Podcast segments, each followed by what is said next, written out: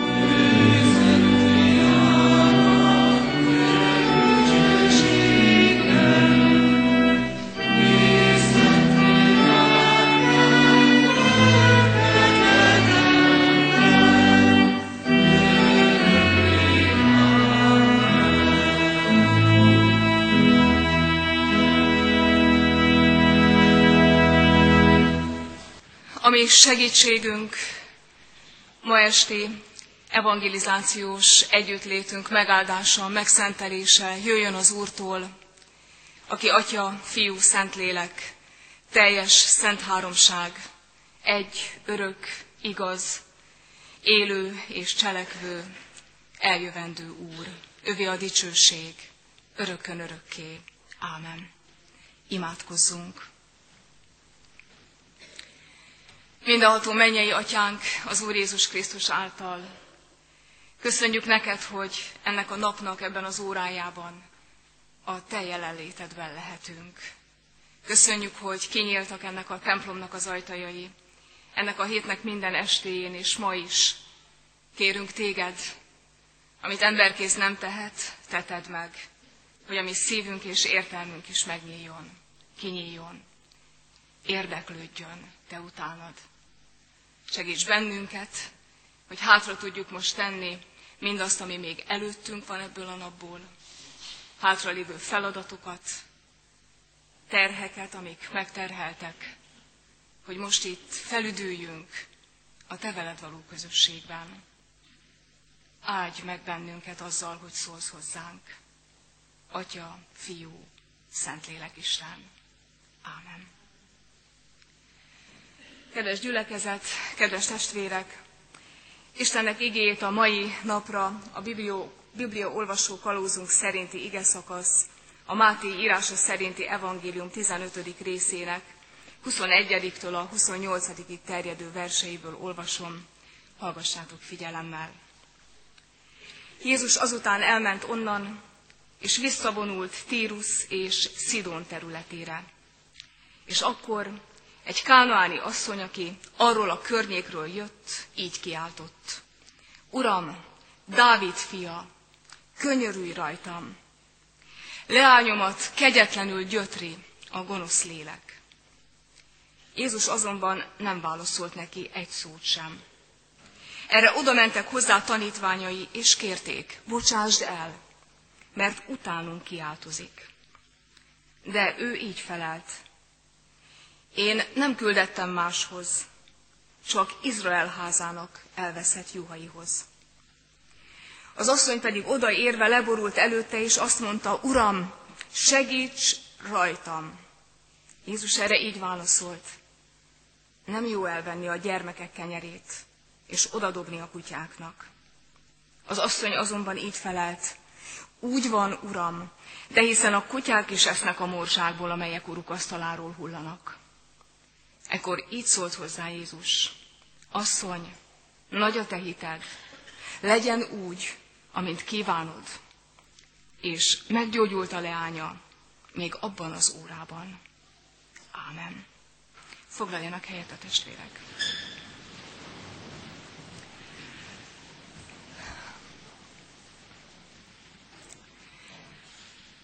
Kedves jelenlévő testvérek, kedves diákok, lelki pásztorok, szeretett gyülekezet, könnyű helyzetben vagyok.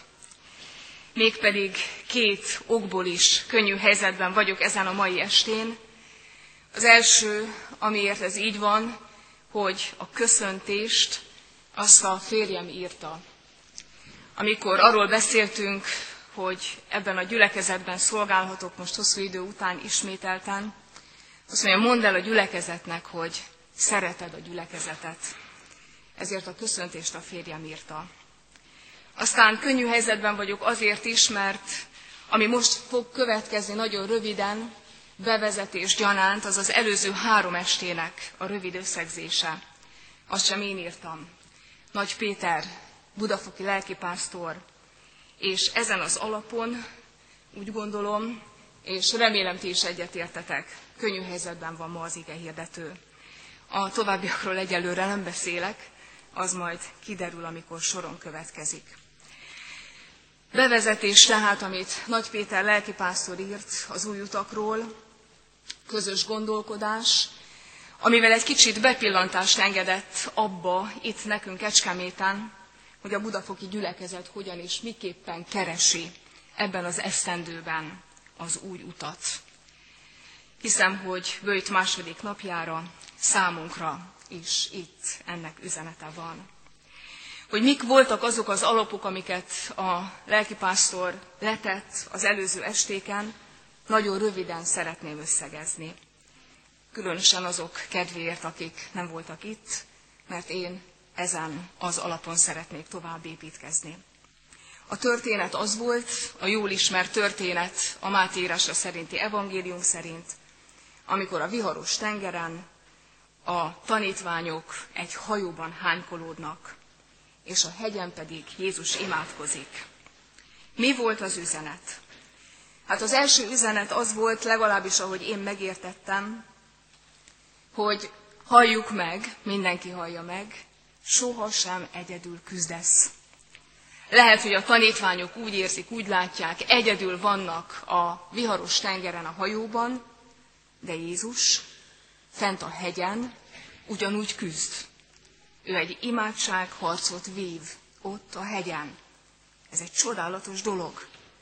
Mégpedig azért, mert ez volt a második üzenet, hogy a tanítványok megtapasztalták, és mi pedig higgyük el, ha egyedül is küzdjük meg a viharos kihívások között a harcainkat, Jézus akkor is velünk van. A harcainkban ő ad erőt, de nekünk kell végigcsinálni. Én azt gondolom, ez egy nagy kihívás, és egy nagy biztatás az embernek ma, a mi időnkben is. Mert tulajdonképpen biztonságban küzdhetsz. Ha Jézushoz kiáltatsz, biztonságban küzdesz. Jézus nélkül azt gondolom, ez a biztonságos küzdés nem is képzelhető el. Végül pedig a tegnap estének az üzenete számomra az volt, amikor feltette a kérdést a lelkipásztor, mi a nagyobb bátorság. Kilépni a vízre, ami után Péter vágyakozott és meg is tette, vagy pedig bemaradni a hajóban. A vízenjárás az nem a Péter helye és dolga volt. Nem is sikerült neki teljesen. Próbálkozhatunk, igen, mindenki próbálkozhat ezzel, de az igazi nagy dolog ott küzdeni, ahol a helyünk van. Jézus tudott a vízen járni. Ő, aki annak is ura, aki az életünk ura, abban is helyt tud állni és velünk járni. És amíg emlékeznek azok a testvérek, akik itt voltak tegnap este, az volt a záró kép, és erről szeretnék én is tovább indulni. Azt mondta, hogy azt jól jegyezzük meg, mindenki jegyezze meg, és maradjon bennünk ez a kép, hogy Jézus mind a két karjával megtart bennünket. Ugye ezért volt ez, az, ez a záró kép, Pétert megfogja, megragadja, és egyszer a hajó célba érkezik. Hát innen lépjünk tovább. Ez legyen a mi státuszunk most, ezen a mai estén hogy Jézus megtart. Ha már próbálkoztál vizen járni, ha már érezted, hogy hol késik a mi mesterünk, miért nem jön az első örváltáskor, amikor mi szeretnénk, miért nincs velünk a félelmeink közepette. Innen lépjünk tovább, mert ide érkeztünk meg az előző estéken. Jézus mindkét keze megtart bennünket. Így veszem kezembe én is azt a mostani történetet, amit az imént hallottatok. Először arról fogok szólni, hogy Jézus és az asszony között, a Kánaánita asszony és Jézus között milyen dialógus zajlik, milyen párbeszéd, majd utána pedig a tanítványok és Jézus közötti nagyon-nagyon rövid párbeszédről szeretnék szólni. Hát akkor vegyük kézbe először az asszony és a Jézus közötti párbeszédet.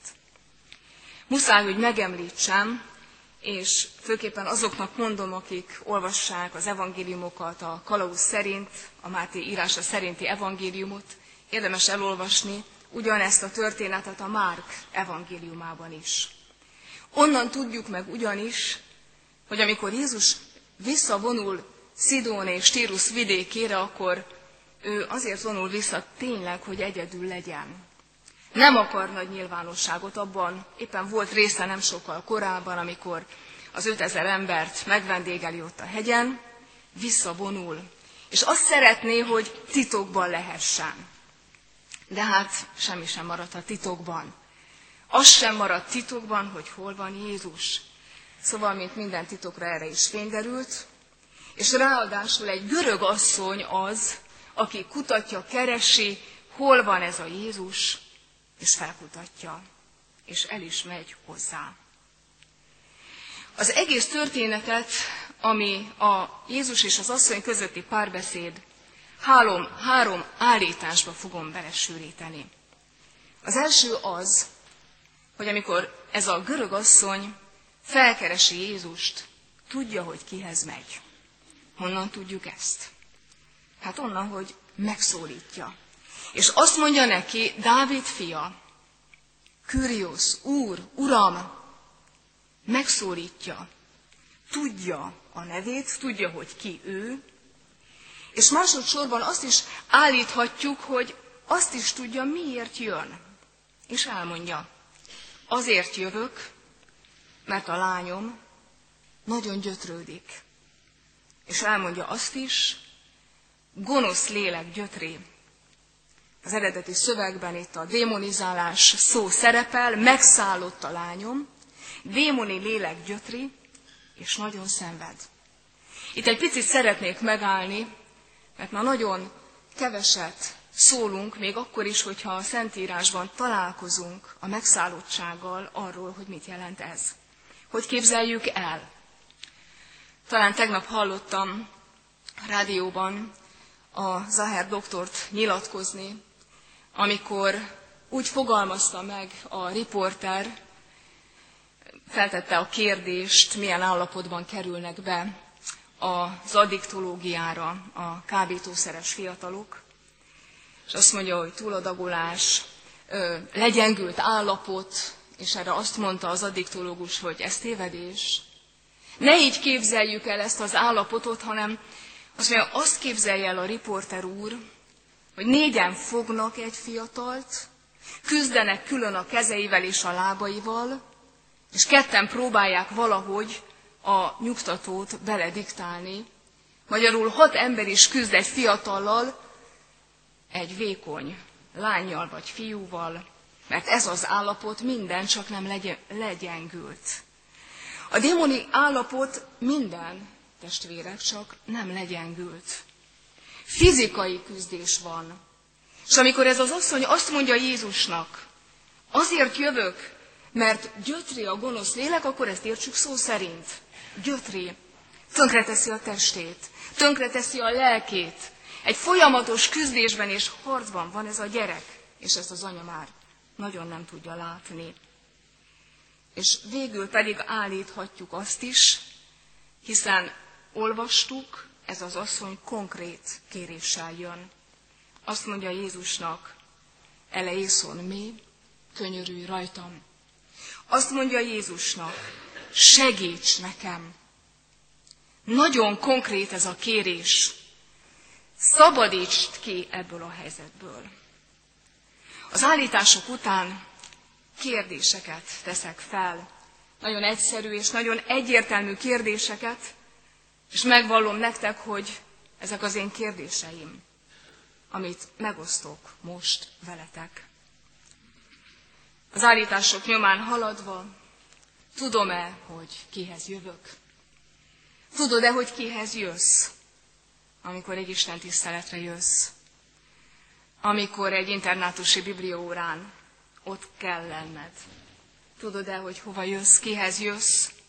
Egy biblióórára, egy imaórára, és tudod-e, hogy miért jössz? Tudom-e, hogy miért jövök? Ezek az én önmagamnak is feltett kérdéseim.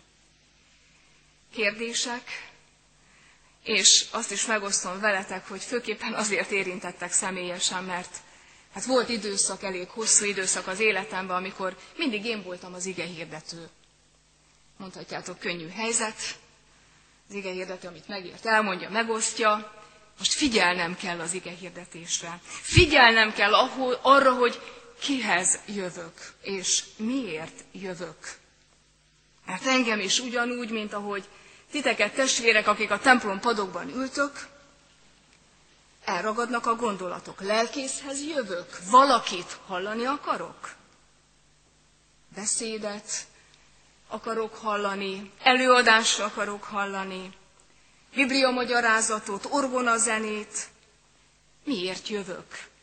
És kihez jövök? Vagy találkozni akarok éppen valakivel, mert ilyen is van. Ez az asszony kér. Neki Jézusra van szüksége. És én is ide szeretnék megérkezni, és feltenni ezt az utolsó kérdést magamnak is, és nektek is. Mikor kértél? Igazán attól a Jézustól, akihez jöttél, akinek elmondtad, hogy miért vagy ott. De hát ennek a dialógusnak van egy másik oldala, Jézusra nézzünk most, és azt a képet ne engedjük el, hogy ő mind a két kezével megtart. Látja ezt az asszonyt. Tudja, és tudja, tudatja is vele, hogy ő kicsoda. Nem az asszony, hanem Jézus. Abban a nagyon-nagyon keménynek tűnő válaszban mind ez van elrejtve. Hogy Jézus elmondja ennek az asszonynak ebben a válaszban, hogy ő az atya küldöttje. És ő csak azt teszi, csak azt teheti, amit az atya neki mond. Az atya tervét teljesíti be. Nem küldettem máshoz. Csak Izrael házának elveszett juhaihoz. Kemény beszédnek tűnik, de ezt fontos kimondani, majd fogjuk látni egy kicsit később még, hogy miért is még. A másik, ami Jézussal kapcsolatosan fontos állítás, hogy az asszonyt is ismeri.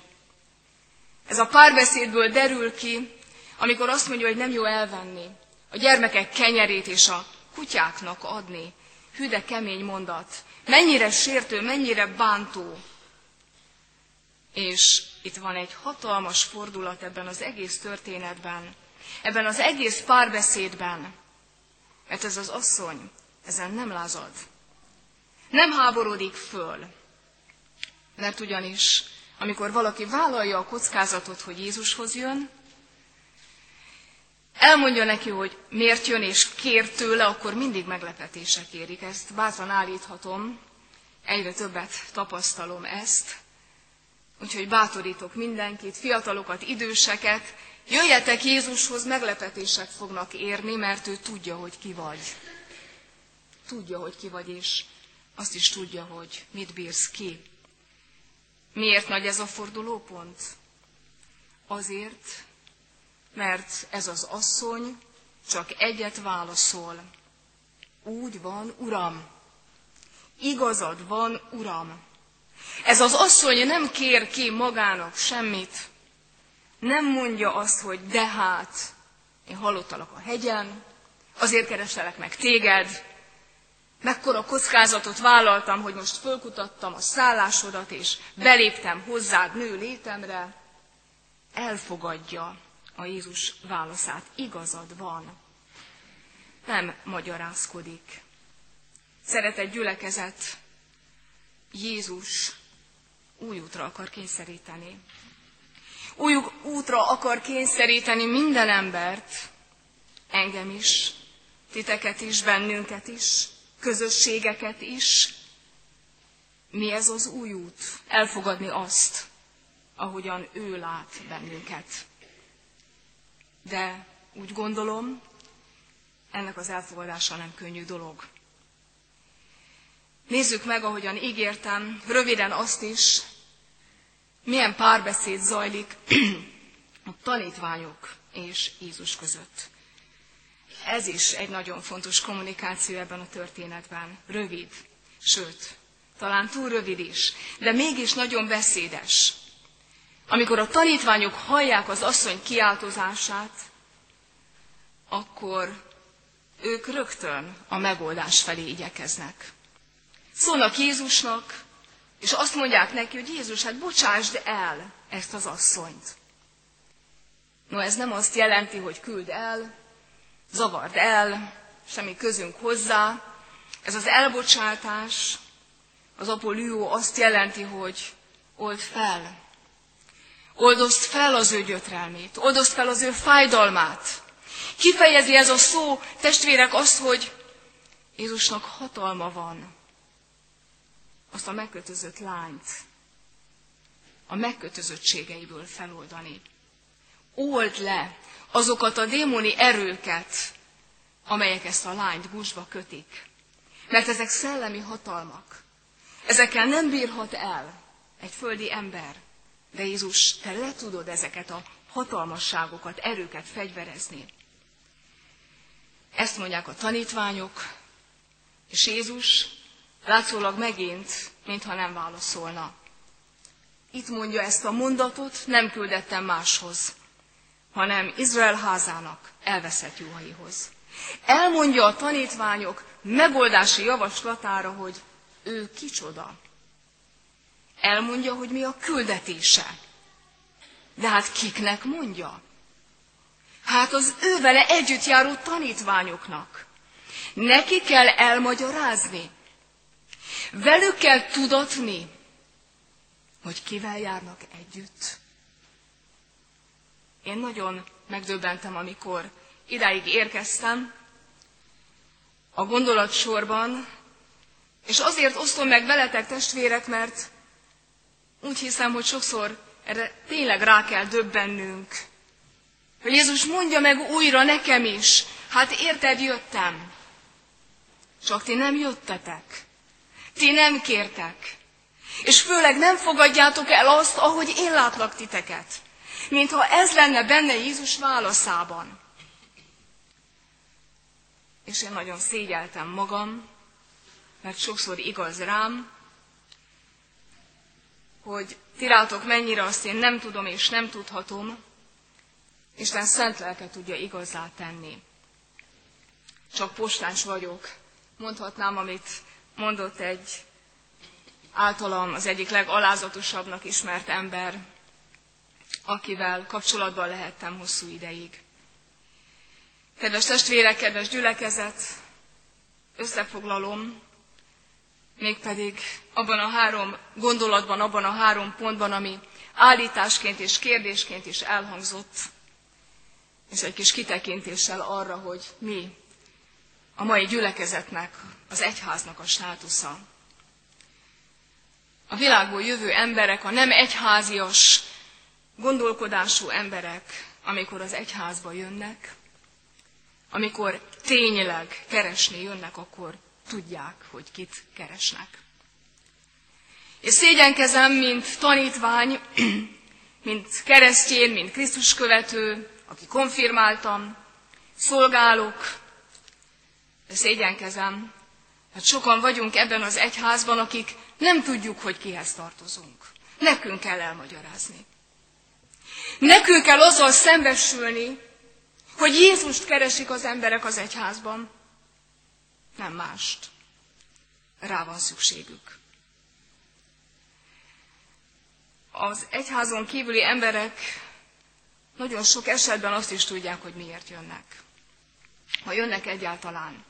Ha még nem sikerült elriasztani őket, mivel, hogy mi magunk nem hisszük azt, amit elmondunk időnként, tanítunk időnként, mert nem tudunk bizonyságot tenni azokról a szabadításokról, amiket az én életemben, a mi életünkben végzett el a szabadító. Ha nem tudok erről bizonyságot tenni, annak csak egy oka van. Nem jöttem hozzá. Úgy, mint ez az asszony.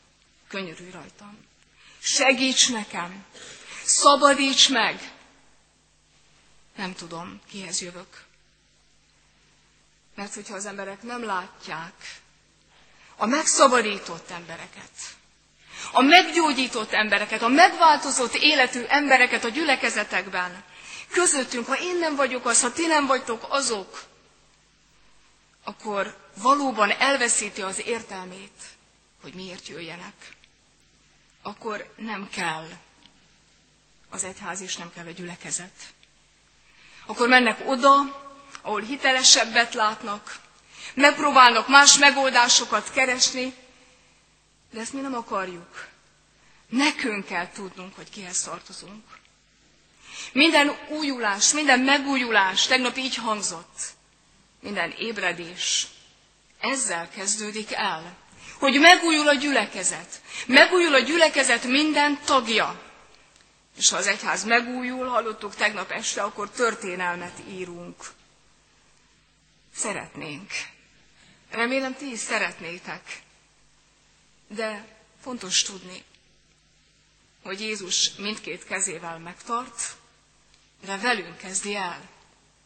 Nem nélkülünk, nem másokkal, velünk. Ezeknek a tanítványoknak kellett hallani azt, hogy hát ti nem tudjátok, hogy kivel jártok együtt. Nektek kell elmagyaráznom, amit ez az asszony tudott.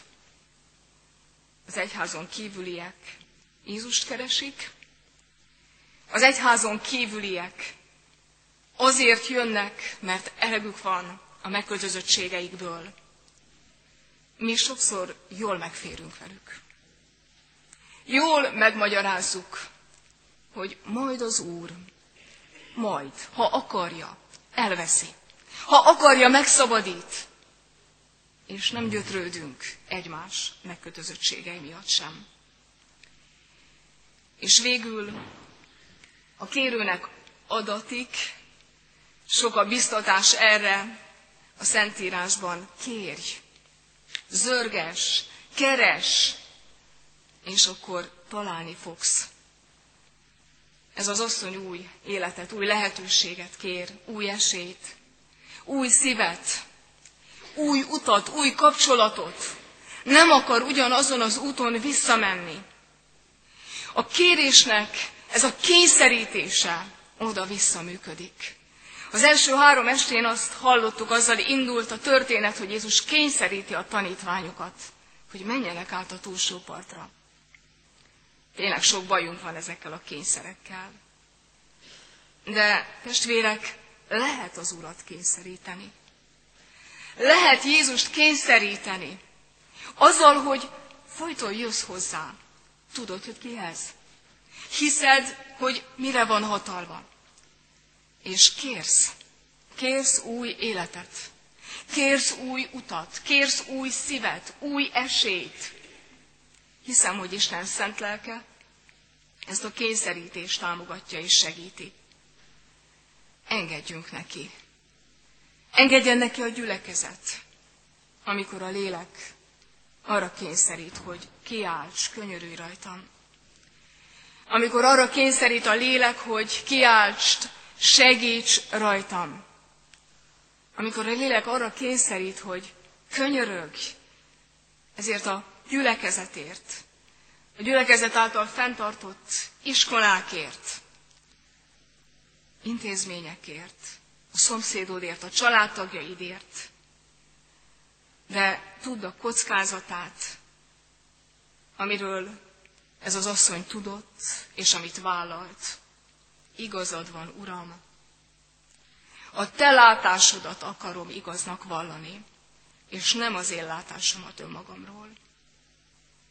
Hiszem, hogy az evangelizáció, az örömhír hirdetése, annak a meghallása ott tud célba érkezni, és ott ér célba, amikor tudom, hogy kit keresek. Tudom, hogy kihez jövök, és hogy miért jövök, és tőle kérek. Aki úgy lát engem, amint vagyok, és ennek ellenére arról biztosít, hogy mindkét karjával meg akar engem tartani.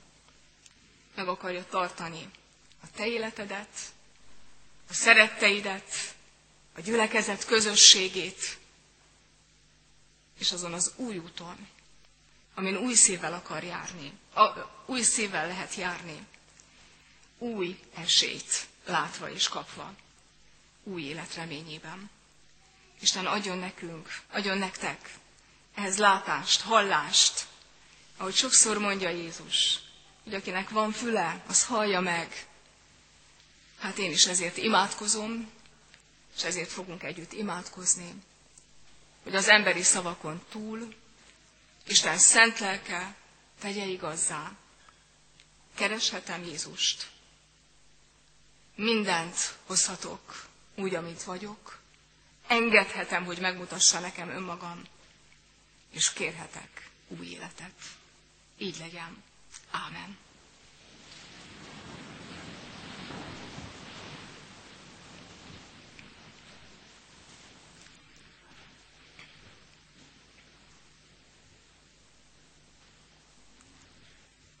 Mindenható mennyei atyánk az Úr Jézus Krisztus által. Megköszönjük neked, hogy van szavad hozzánk. Megköszönjük azt az írást, az igét, ami talán mindegyikünknek ott van a táskájában, az éjjeli szekrényén, amit gyakran elővesznek a diákok hittanórán, és ott van a családi házakban is, ami tele van az életnek a beszédével. És bocsáss meg nekünk, hogy sokszor nem válik életté, bennem és bennünk. És kérünk téged, hogy segíts bennünket, segítsd ezt a gyülekezetet, a gyülekezeteknek sokaságát, százait ebben az országban, hogy életté váljon bennünk a te szabad. Elevenítsen meg szembesítsen, hogy te ki vagy. Te vagy a Jézus, a szabadító, a megváltó, az egyetlen, az egyedüli, aki barátodnak mondtál bennünket is.